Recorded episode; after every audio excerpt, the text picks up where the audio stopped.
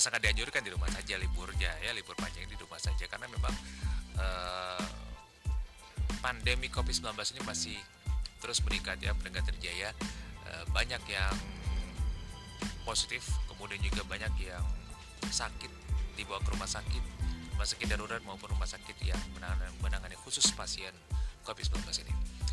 Oke, okay, uh, jadi memang Selain mengingatkan masalah protokol kesehatan dan tetap berhati-hati selama perjalanan di libur panjang saat ini, eh, seperti yang saya sampaikan tadi, Kementerian Perhubungan juga ya, meminta masyarakat yang bepergian waspada terhadap kondisi cuaca. Nah, sekarang lagi musim hujan nih, dekat terjaya. Jadi saat ini sedang terjadi perubahan cuaca ekstrim ya, yang yang mengakibatkan tingginya curah hujan dan angin kencang, terutama mendekati peralihan ke November.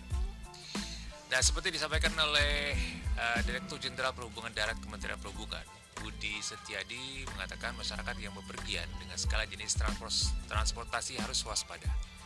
Begitu juga untuk pihak operatornya. Ya, uh, beberapa hari lalu sudah dibicarakan dengan Menteri Perhubungan Budi Karya Sumadi, pihak operator harus mengantisipasi fenomena La Nina yang berimbas pada cuaca ekstrim jadi di semua sektor nih, darat, laut, udara, sampai per kereta api.